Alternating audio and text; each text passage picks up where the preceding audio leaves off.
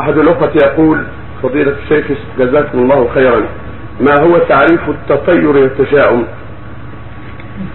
سمعتم في محاضرات التطير ما أمر الإنسان؟ أو رده.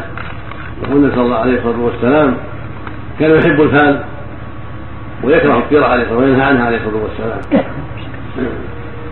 ويقول لا ترد مسلما فإذا رأى أحدكم ما يكره يقول اللهم لا يأتي بالحسنات إلا أنت. ولا يدفع السيئات إلا أنت ولا حول ولا قوة إلا أنت.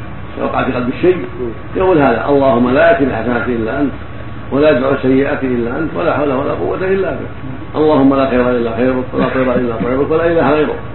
هذا يبطل بحادث الجاهلية. فاذا راى مثلا عند سفره قابله مثلا بعير ما أعجبه أو حمار ما أعجبه أو إنسان ما أعجبه فلا يهمه ذلك. وليقول اللهم لا في الحسنات إلا أنت ولا يدفع السيئات إلا أنت ولا حول ولا قوة إلا أنت ولا يرجع عن حاجته بعض الجاهلية إذا خرج فصادفه غراب ينعق أو رأى حمارا لا يعجبه أسود أو مقطوع الذنب أو كذا تشاءم قال ما هذا السفر ما يصلح أو ما أشبه ذلك. هذا غلط من أمر الجاهلية. في الحديث من ردت الطير عن حاجته فقد أشرك. لا حول ولا قوة. قال ابن مسعود وما منا إلا ولكن يريد التوكل.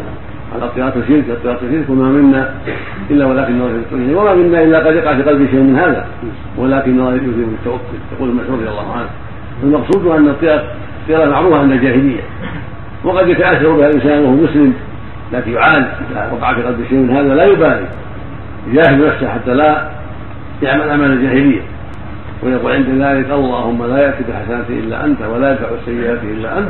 ولا حول ولا قوة إلا بيوم سبيله هكذا التشاؤمات التي تقع في قلبك من طير أو من حيوان تكون عنده قوة قوة الإيمان والثقة بالله والاعتماد على الله والتعوذ بالله من الشيطان الرجيم. ويأتي بقوله اللهم لا يأتي الحسنات إلا أنت ولا يدع السيئات إلا أنت ولا حول ولا قوة إلا بك نعم.